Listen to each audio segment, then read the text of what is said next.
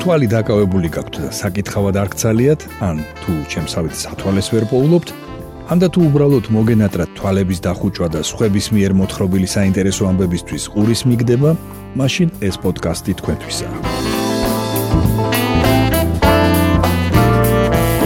გამარჯობა. თქვენ უსმენთ რადიო თავისუფლების პოდკასტს მოლაპარაკე ტექსტებს. მოლაპარაკე ტექსტებს. მე ბიძინა რამიშვილი გახლავართ. აქ მოქმედი პირები არიან ტექსტები, რომლებსაც რადიო თავისუფლების ვებსაიტზე ვარჩევ თქვენთვის კვირაში ერთხელ და მათ მოსათხრობ ამბებად ვაქცევ ხოლმე.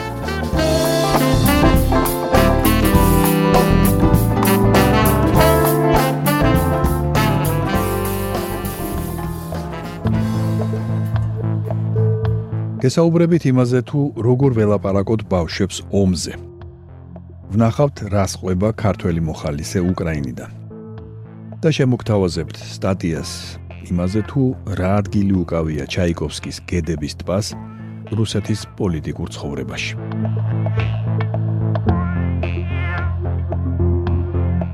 მოისმინეთ სანდრო გვინდაძის სტატია მამიკო რომ მოკლან როგორ ველაპარაკოთ ბავშვებს ომზე. ომით გამოწვეულ ემოციებთან გამკლავება რთულია უფროსებისთვის, ბავშვებისთვის კი განსაკუთრებით. ახლა როგორც არასოდეს მნიშვნელოვანია რომ მათ იცოდნენ რა ხდება. უსაფრთხოდ დასვან კითხვები და გაერკვენ საკუთარ განცდებში. უკრაინაში ომი 2 დღის დაწყებული იყო თბილისის საერთაშორისო სკოლის დაწყებითი კლასების მასწავლებელი თამთა მანდარია მათემატიკის საშინაო დავალებებს ასწორებდა. როცა რამდენიმე რეულში იპოვა დახატული საფლავის ქვა და ზედ წარწერა rest in peace putin. თამთა ამისთვის მზად არისო. არადა იქამდე უკვე შეატყო რომ ბავშვები გაბრაზებულები და შეშინებულები იყვნენ. ერთმა ისიც უთხრა, რუსეთის გამო მამიკომად შეიძლება დაიჭიროს იარაღიო, მაგრამ თამთამ არიცოდა როგორ უნდა აუხსნას 8-9 წლის ბავშვებს, რომ არასწორია სიკვდილი უსურონ ადამიანს, რომლის გამო საკუთარი მშობლების დაღუპვის ეშინიათ. ბოლოს გადაწყვიტა დისკუსია გაემართა. ოღონდ საკუთარი დამოკიდებულება ნაკლებად გამოეხატა. მე რუსულად აღარასდროს აღარ ვილაპარაკებ საქართველოსში რომ რუსი ვნახოთ დავარტყამ. უთხრა ერთ-ერთმა მოსწავლემ. მხოლოდ ერთადერთმა ბავშვმა თქვა შეიძლება პუტინი ასეთია მაგრამ მთელი რუსეთის მოსახლეობა არაა ასეთიო მაგაზეც ვიმსჯელეთ. საბოლოოდ მაგ იდეამდე მივედით რომ ხალხს შეუძლია ძალიან ბევრი რამე მოაგვაროს ერთმანეთში ამბობს თამთა ბავშთა ფსიქოლოგი ნინო ნიკოლეიშვილი რადიო თავისუფლებას ეუბნება, რომ ახლა განსაკუთრებით მნიშვნელოვანია არ ჩაახშოთ თქვენი შვილების ცნობის მოყარეობა და მისცეთ ნებისმიერი კითხვის დასმის შესაძლებლობა.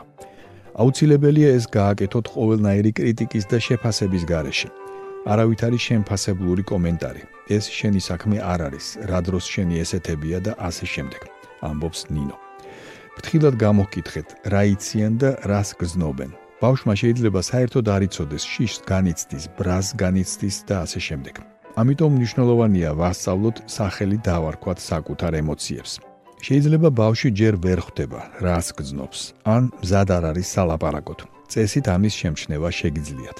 განსაკუთრებით 7-8 წლამდე დაძაბულობა სტრესი ვლინდება ხამის კოშმარებში. შეიძლება მუცელი ასტკივდეს, მანდა დაეკარგოს, უხასიათოდ იყოს. თუ მათ ემოციურ გამოვლინებებზე მშობლებისგან ვერ იღებენ ისეთ რეაქციას, როგორიც არის უსაფრთხოების განცდა. ამბობს ის. პირველ რიგში შეგიძლიათ უფრო მეტი სითბო გამოხატოთ, მაგალითად უფრო ხშირად ჩაეხუტოთ. თანაც არაა აუცილებელი ეს მაინც და მაინც ომზე საუბრებს უკავშირდებოდეს. მთავარია ფიზიკური კომფორტი შეუქმნათ. ეს განსაკუთრებით მნიშვნელოვანია თინეიჯერობის ასაკამდე. პატარებისთვის სახლის და ოჯახური სიტუაციის განცდა პირველ რიგში ქმნის უსაფრთხოების განცდას, ამბობს ნინო. სანამ ბავშვებს დაეხმარებოდეთ, მნიშვნელოვანია საკუთარ ემოციებშიც გაერკვეთ. ნუ დამალავთ თქვენს შიშს, ბრას და შფოთვას ბავშვებისგან. აუხსენით, რატომ გზნობთ მათ. თუ თქვენი შვილი ძალიან პატარაა, აჯობებს შეუზღუდოთ ინფორმაცია, რომელიც შეიცავს ძალადობას, ამბობს ნინო ნიკოლეიშვილი. განსაკუთრებით ცუდი აზრია მუდმივად გქონდეთ ჩართული ტელევიზორი. საიდანაც უწყვეტად მოდის ინფორმაცია ომის შესახებ. ნეგატიური ინფორმაციის ნაკადი არის მათთვის წამლეკავი. ბავშვებს ჯერ არ აქვთ მზაობა, რომ თავად გადაამუშაონ ეს ინფორმაცია და გაუმკლავდნენ მას. განმარტავს ფსიქოლოგი. მაგრამ ამასთანავე მნიშვნელოვანია ბავშვებმა იცოდნენ რა ხდება, რატომ ესხმის თავს ერთი სახელმწიფო მეორეს. ამიტომ თუ კი თქვენს შვილს უკვე აქვს smartphone, ფრთხილად ურჩიეთ ინფორმაციის ისეთი წყაროები, რომელთაც ენდობით. თავი შეიკავეთ ქსენოფობიური გამონათქვამებისგან, მაგრამ ამასთანავე კარგად აწონ-დაწონეთ რა სიტყვებით ელაპარაკებით შვილებს სამხედრო კონფლიქტზე. მაქსიმალური პასუხისმგებლობა უნდა გამოიჩინოს ყველა მშობელმა, რას ეტყვის თანატოლებზე და რუსებზე თავის შვილს, ამბობს ნინო ნიკოლეიშვილი. დაუშვებელია ქსენოფობიური და ეთნიკური შუღლის გაღვივება ბავშვებში. ბოლო 10 დღე თამთა მანდარიასთან განსაკუთრებით რთულია. საკუთარი ბრაზის და უიმედობის გაკონტროლებასთან ერთად ის ცდილობს დაეხმაროს ბავშვებს, რომ გადაიტანონ ყურადღება იმ შიშისგან, რომელსაც მათში ომი და მშობლების დაკარგვაზე ფიქრი იწვევს. მისი თქმით აუცილებელია უფროსებმაც და ბავშვებმაც იგრძნონ, რომ რაღაცის გაკეთება და სხვების დახმარება შეუძლიათ.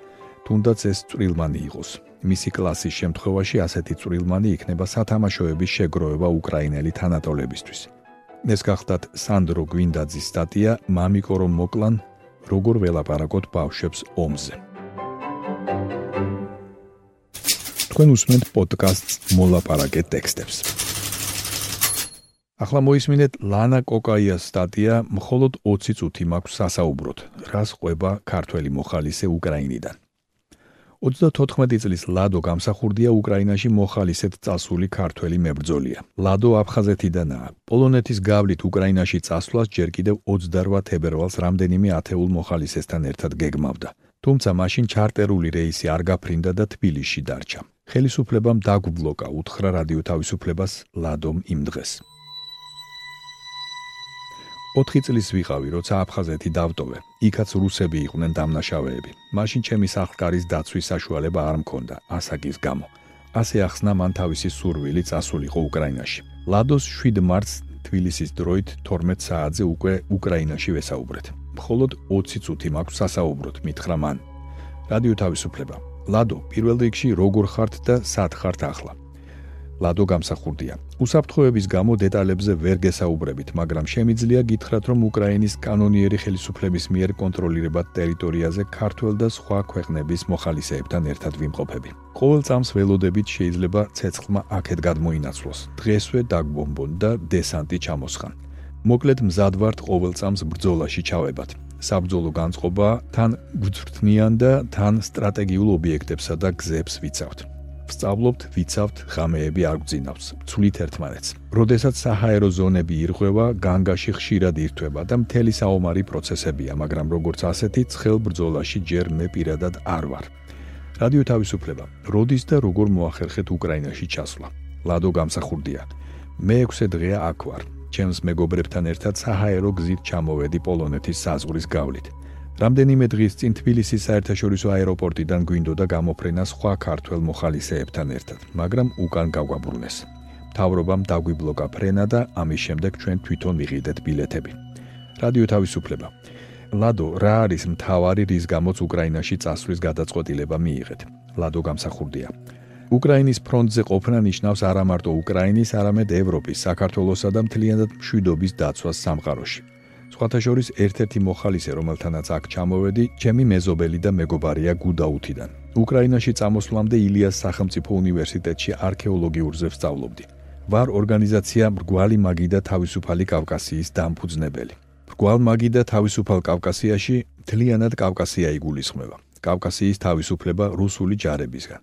ჩვენი ორგანიზაციის წევრები ვართ აქ.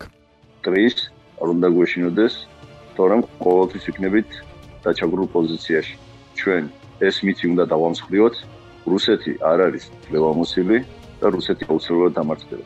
და ამიტომაც ვართ უკრაინაში. მხოლოდ ერთობით მარცხდება მტერი. რადიო თავისუფლება. სხვაგან რა ვითარება თუ გაქვთ ინფორმაცია? ლადო გამსახურდია. დღეს უკრაინაში ყველგან საშიშია. არავინ იცის რა წუთს სად დაარტყამენ და რას დაბომბავენ. ერთად ვმოქმედებთ აქ ჩამოსული მებრძოლები. უკრაინელებთან და მსოფლიოს სხვა ქვეყნების მებრძოლებთან ერთად. თქვენ მოისმინეთ ლანა კოკაიას სტატია მხოლოდ 20 წუთი მაქვს სასაუბროთ რას ყვება ქართველი მოხალისე უკრაინიდან?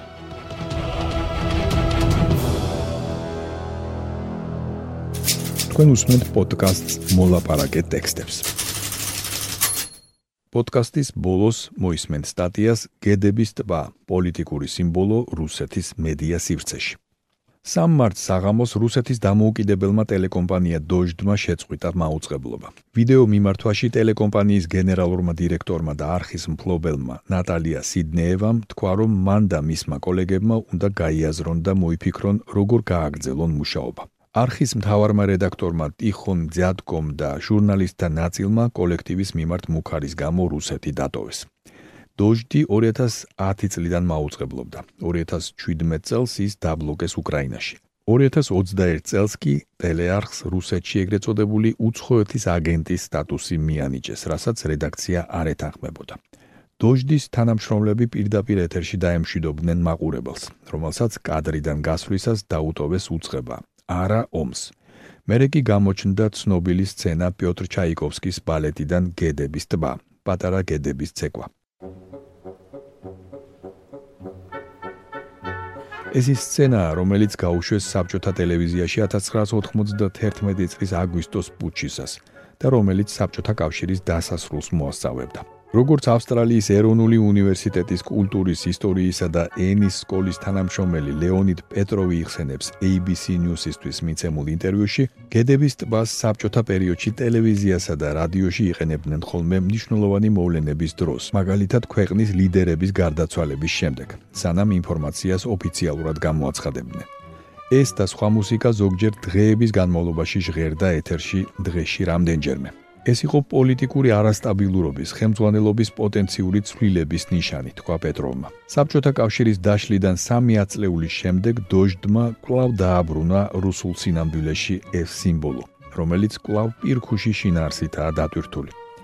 კედების ტბა იქცა დამსხრეული ოცნებების, დაკარგული შესაძლებლობებით გამოწეული სევდის, სინანულის, აუსრულებელი გეგმების გამო გლოვის სიმბოლოდ, თქვა პეტროვმა და დაზინა. ვფიქრობ, ეს ტელეკომპანია დოჟდის მიერ მიღებული ძალიან გონივრული და სწორი გადაწყვეტილებაა. პეტროვის თქმით, დოჟდი მძიმე არჩევანის წინაშე იდგა. ან მოეყოლათ ტყუილები, რასაც მათგან პუტინი ითხოვს, ან მომკვდარიყვნენ. ძნელია იმის დანამდვილებით თქმა, რამდენად ელოდათ დოჟდის ჟურნალისტებს სიკვდილი პირდაპირ მნიშვნელობით, მაგრამ ფაქტია, რომ ომის დამოუკიდებელი გაშუქებისთვის ისინი შეიძლება მრავალწლიან პატიმრობაში აღმოჩენილიყვნენ. ამ დღეებში მაუწყებლობა შეწყვიტა რუსეთის ერთ-ერთმა ყველაზე ცნობილმა და სანდო რადიოსადგურმა ეხო მოსკვი. ხელისუფლების მიერ უკანასკნელ წლებში განხორციელებული უზარმაზარი წნეხის პირობებში, როცა მთელი რიგი დამოუკიდებელი მედია საშუალებები და არასამთავრობო ორგანიზაციები დაიხურა, ეხო მოსკვი რუსეთში ყველაზე გამორჩეულ მედიად რჩებოდა. 23 თებერვალს შეწყდა რადიოსადგურის ეთერი. 24 თებერვალს კი სადგურის დირექტორთა საბჭომ, რომელშიც უმრავლესობას სახელმწიფო კომპანია გაზპრომის მედია შტო აკონტროლებს, ეხო მოსკვი დახურულად გამოაცხადა. მისმა ჟურნალისტებმა განაცხადეს, რომ სოციქსელებსა და YouTube-ზე გააგრძელებენ მუშაობას. რუსეთში დარჩენილი მცირერიცხოვანი დამოუკიდებელი მედია საშუალებების წინააღმდეგ მიმართული მკაცრი ზომების ფონზე ქვეყანაში იზრდება ომის საწინააღმდეგო განწყობილება. იმართება საპროტესტო გამოსვლები, გროვდება პეტიციები. თავრობა სასტიკად უსწორდება ომის საწინააღმდეგო გამოსვლების მონაწილეებს. OVD Info-ს ცნობით დაკავებულია 8000-ზე მეტი ადამიანი. კრიტიკული ხმების ჩახშობის მიზნით იზღუდება წვდომა ინტერნეტსა და სოციალურ ქსელებზე. ლეონიდ პეტროვის თქმით, ამ პირობებში ტელეეთერში გედების ტიპის გამოჩენა შესაძლებელია იმედის მესიჯადაც იქნეს გაგებული. ბალეტის ბოლოს ბნელი ძალები მარცხდებიან. ასე რომ ჯერაც არის იმედი, რომ ჯერაც არის სინათლის ხივი, რომელიც ბნელი ღრუბლებიდან გამოსჭივის, თქვა მან. თქვენ მოისმინეთ სტატია გედების ტბა, პოლიტიკური სიმბოლო რუსეთის მედია სივრცეში.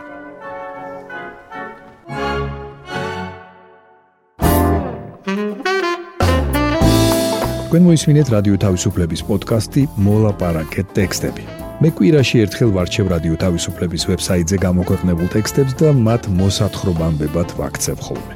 ჩვენი პოდკასტი შეგიძლიათ გამოიწეროთ, ჩამოტვირთოთ ან მოისმინოთ პირდაპირ რადიო თავისუფლების ვებსაიტზე. მისი მისამართია რადიო თავისუფლება.ge. თუ ჩემი მიერ მოთხრობილი ტექსტები სრული სახით დაგაინტერესებთ, მათი მოძებნა იულია. ვებსაიტზე, პოდკასტის გვერდზე იპოვით ყოველ ცალკეულ პროგრამაში მოთხრობილი ტექსტების ბმულებს. მე ბიძინა რამიშვილი ვარ. მომავალ შეხვედრამდე.